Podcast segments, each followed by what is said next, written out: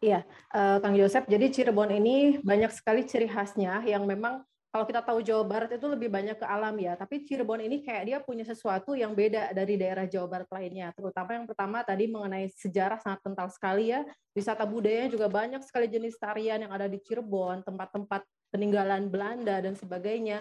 Diramu dengan banyak sekali kuliner khas dan tentu destinasi belanja yang sangat variatif. Seperti itu Pak. Jadi lengkap satu paket lengkap itu ada di Cirebon semua.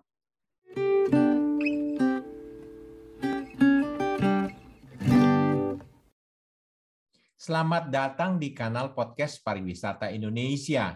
Kanal podcast ini menampilkan perbincangan seputar industri pariwisata Indonesia yang mencakup informasi, destinasi, fakta, dan berbagi pengalaman industri dari para praktisi dan pakar pelaku industri pariwisata. Dan saya, Yongki Adiasa, sebagai produser. Pada episode ini, kami akan menampilkan informasi seputar destinasi Jawa Barat khususnya Kabupaten Cirebon dan sekitarnya. Perbincangan akan dibagi menjadi dua sesi. Pertama, mengenai destinasi itu sendiri. Kedua, mengenai paket wisata untuk Cirebon dan sekitarnya. Perbincangan akan dipandu host Joseph Sugeng Irianto yang akrab saya sapa dengan Kang Joseph. Selamat pagi para pendengar dan pemirsa Berbicara tentang kepariwisataan di Indonesia tidak akan pernah ada habisnya. Destinasi wisata yang sangat populer di Jawa Barat tentunya tidak asing lagi, Bandung dan Priangan. Tetapi destinasi ini sudah over populer dengan pengunjung khususnya di weekend atau di hari libur. Maka wisatawan pun mencari sesuatu yang berbeda dan Cirebon serta Kuningan menjadi alternatif. Senang berjumpa dengan Anda. Saya, Yosep Sugeng Irianto, sebagai host. Mengembangkan kepariwisataan tentunya akan sustainable jika dilakukan bersama dengan putra daerah. Pada kesempatan kali ini, kita akan berbincang dengan Imas Kurniawati dari Jasa Wisata Cirebon yang telah merintis usaha pariwisata mulai dari titik paling awal.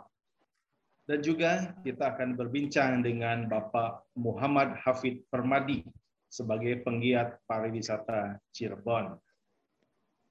Pandemi COVID-19 membuat kita selama hampir dua tahun ini tidak pernah bertemu muka secara langsung.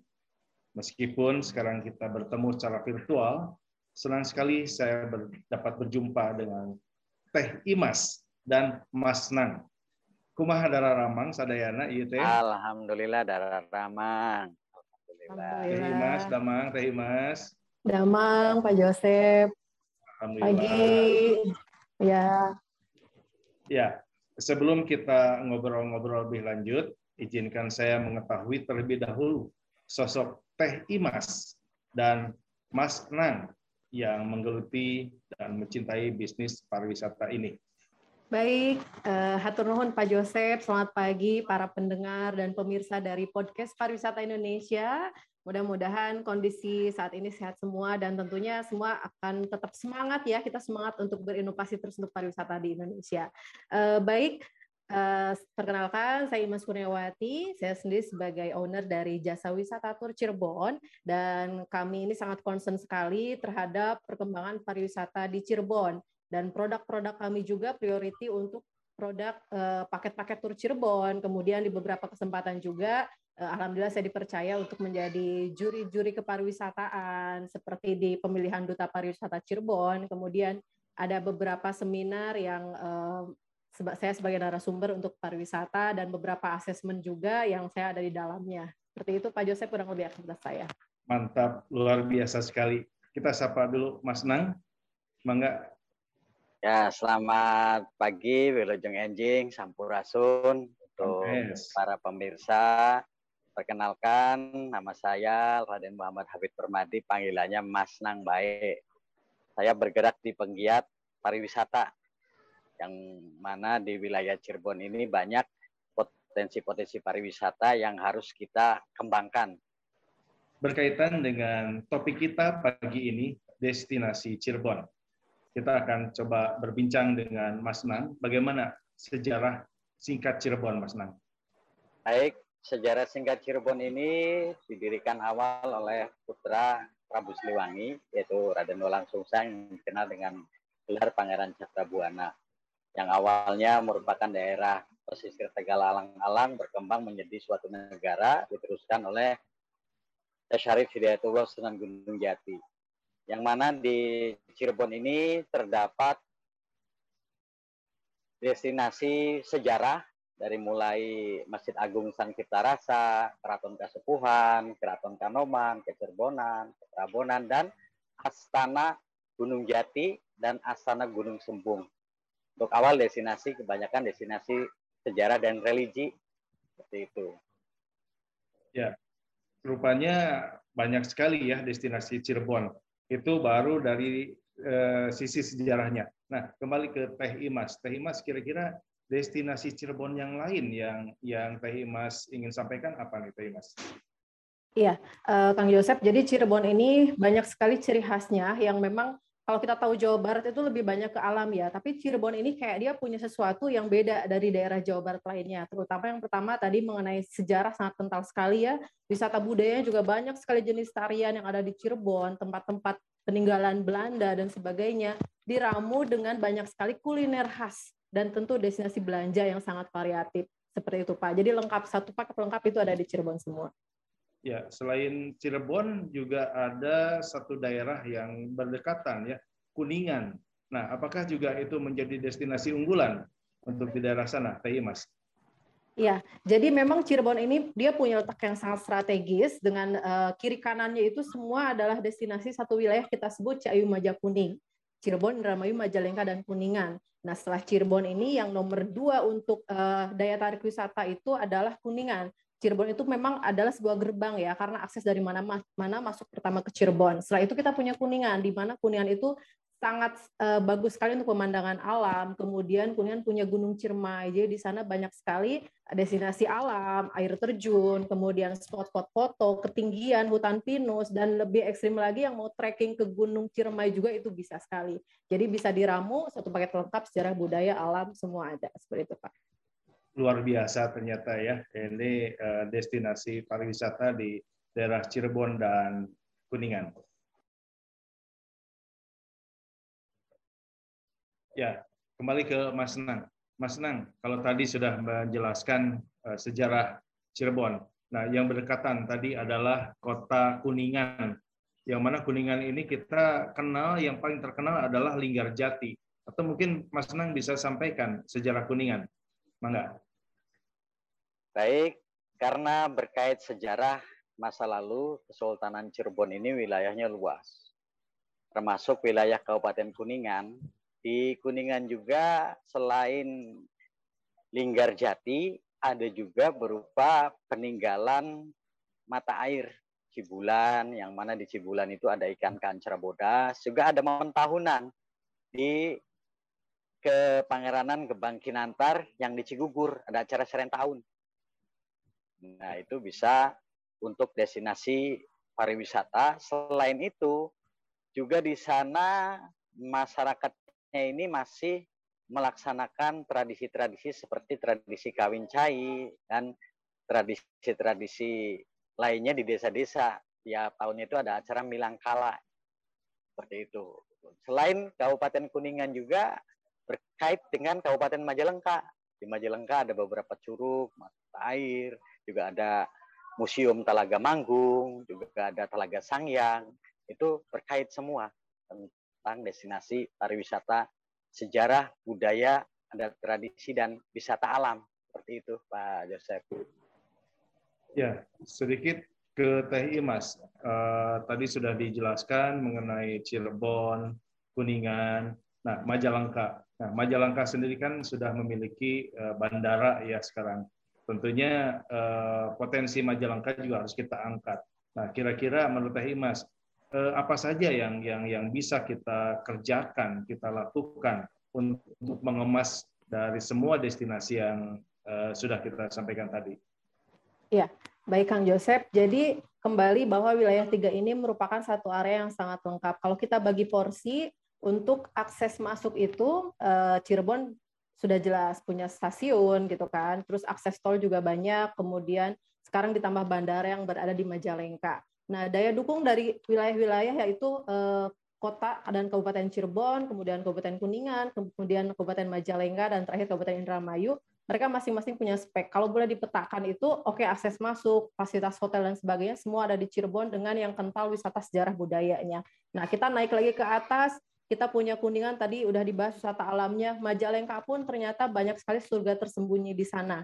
Yang memang uh, tekstur alamnya pun beda dengan Kuningan, seperti itu. Karena di sana, uh, jadi sama-sama alam tapi punya khas juga. Contoh kayak teras sering teras sering Panyaweyan itu adalah sawah-sawah yang eh, sengkedan sawah yang sangat bagus pemandangannya, view-nya, kemudian uh, ditambah lagi ada bandara lebih dekat di sana. Jadi kalau misalkan turun ke bandara hanya sekedar one day ke Majalengka pun sudah bisa karena di Majalengka sudah tersedia. Kemudian ditambah lengkap lagi selain alam dan sejarah budaya ada namanya Indramayu. Di sana itu dia punya uh, kekayaan bahari ya lautnya. Jadi kalau Kang Jose, Pak Yongki itu senang-senang seafood, wah di Indramayu itu banyak banyak sekali kuliner seafood segala uh, macam ikan, terus uh, ada namanya pindang manyung itu perlu dicoba. Jadi lengkap mau darat, laut, gitu ada semua di wilayah tiga. Ya, uh, menyambung masalah kuliner di Cirebon itu terkenal dengan namanya tahu gejrot ya, Mas Nang. Ada nggak sejarahnya? tahu gejrot itu gimana? Baik, tahu gejrot ini yang khasnya itu di daerah Ciledug, Cirebon Timur, karena perkembangan pada masa zaman kolonial itu dibangunlah pusat industri pabrik gula, Joseph, di daerah Ciledug. Tahu yang mana tahunya itu khusus juga menggunakan air gula merah dan dikasih ini dikasih bumbu jadi itu untuk tahu gujrot yang makannya pun khusus menggunakan piring terbuat dari bahan tanah. Nah, selain itu ada juga nasi jamblang. Nasi jamblang juga perkembangannya berkembang ini zaman Belanda juga ketika Belanda mengembangkan pusat industri di daerah Palimanan. Terus ada empal gentong termasuk warisan daripada kuliner Kesultanan yang ngumpulnya hanya di daerah empat-empat karena di sana di empat-empat itu ada tokoh yang dulu meramu uh, kuliner yang namanya empal gentong. Juga setiap kegiatan-kegiatan ada tradisi di Kesultanan itu ada menu-menu khusus. Seperti kemarin acara Rajaban ada menunya nasi bogana. Dan berbagai macam percampurannya. Juga ada nasi jimat. Nasi jimat itu jenis nasi kebuli yang dikeluarkan tiap tahun sekali ada acara peringatan Maulid Nabi. Nah, itu kuliner juga ini di sini sangat banyak selain jajanan pasar, itu kuliner-kuliner yang khusus itu ada seperti itu. Lengkap sekali rupanya ya. Betul. Satu lagi pertanyaan terakhir untuk Mas Nang. Baik. Cirebon ini dikenal sebagai kota udang. Ya. Baik. Nah, kenapa itu bisa disebut sebagai kota udang? Baik, Cirebon selain disebut bumi para wali karena dulu perkembangan Islam pusatnya awalnya di Gunung Jati, berkembang hingga zaman kemerdekaan disebut kota udang karena udang itu sebagai salah satu komoditi di Cirebon. Awalnya udang kecil yang namanya rebon. Ci itu cai, rebon itu udang kecil nanti bisa diolah, dibuat rasi dan petis seperti itu kan saya Cirebon itu. Oh, Cirebon itu berarti dari kata cai dan rebon. Cai, rebon. Ya? Rebon Betul. itu udang kecil, makanya disebut Betul. Cirebon, kota udang. Betul, kota udang. Oke. Okay. Luar biasa nih. Uh, saya pernah mendengar ya ada Jennifer. Nah, Jennifer itu perempuan cantik atau apa sih? Coba saya saya mau tanya Mas Nang mungkin yang ahli sejarah nih. Jennifer itu apa sih? Jennifer itu adalah salah satu minuman khas yang ada oh. di wilayah Kuningan dan Cirebon. Singkatan dari jeruk nipis peres. Itu Jennifer. Saya pikir Jennifer itu nama nama orang Sunda ya kan kalau F dengan P itu selalu terbalik. Jadi Jennifer itu jeruk iya. tipis peres ya. Minuman. Jeruk tipis peres. Itu khas Betul, dari minuman. Ya, khas dari Cirebon atau dari Kuningan itu? Dari Kuningan dan Cirebon. Oh, Karena begitu. tadi yang disampaikan Teh Mas ini Cirebon, Kuningan atau Ciayu Majakuning ini berkait. Jadi produk-produk untuk belanja itu semuanya ini dari produk tiga wilayah itu. Seperti itu.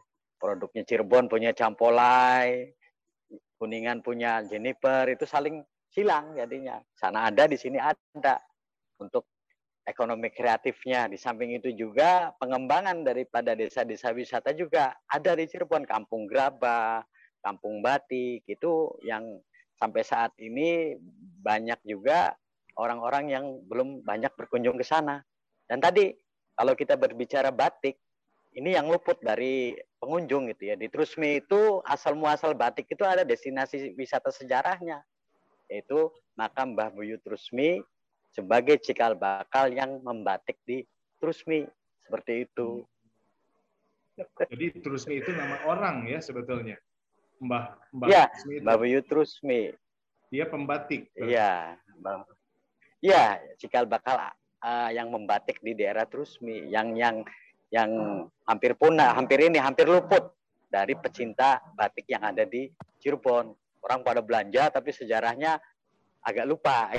Jadi kita memberikan informasi juga ke mereka bahwa ada hanya batik di Cirebon ya di sinilah tempatnya.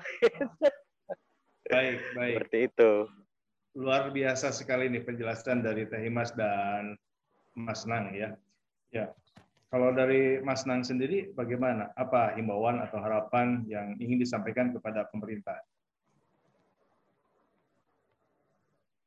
Harapannya agar pemerintah dan kami penggiat pariwisata bisa bersinergi.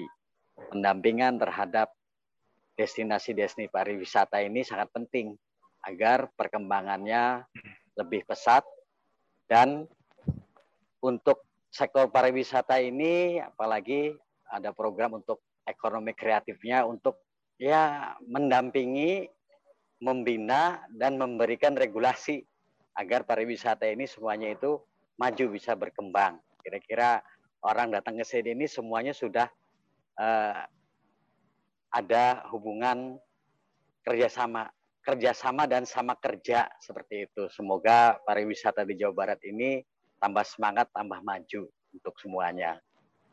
Baik. Eh, kata yang saya garis bawahi ya, kita harus kerjasama dan sama-sama kerja ya, gitu ya Pak. Luar biasa sekali apa yang sudah Betul. disampaikan oleh Mas Nan dan juga Teh Imas yang sudah membeberkan bagaimana daya tarik pariwisata di wilayah tiga Ciayu Majakuning, Cirebon, Indramayu, Majalengka, dan Kuningan. Ya, eh, mudah-mudahan pandemi segera berakhir, mungkin diubah menjadi endemi ya, sehingga kehidupan pariwisata menjadi segera normal kembali. Terima kasih Teh Imas, terima kasih Mas Kami, Bapak. Ya, ya, ya, terima kasih sudah meluangkan uh, waktunya untuk uh, berbagi bersama podcast pariwisata Indonesia ini. Pendengar dan pemirsa semua, saya Yosef Sugeng Irianto sebagai host pamit undur diri. Salam pariwisata Indonesia. Anda sudah menyimak mengenai informasi destinasi Cirebon dan sekitarnya. Pada sesi berikutnya, kita akan berbincang mengenai paket wisata di Kabupaten Cirebon dan sekitarnya. Terima kasih jika Anda sudah like, share, dan subscribe. Salam pariwisata Indonesia maju.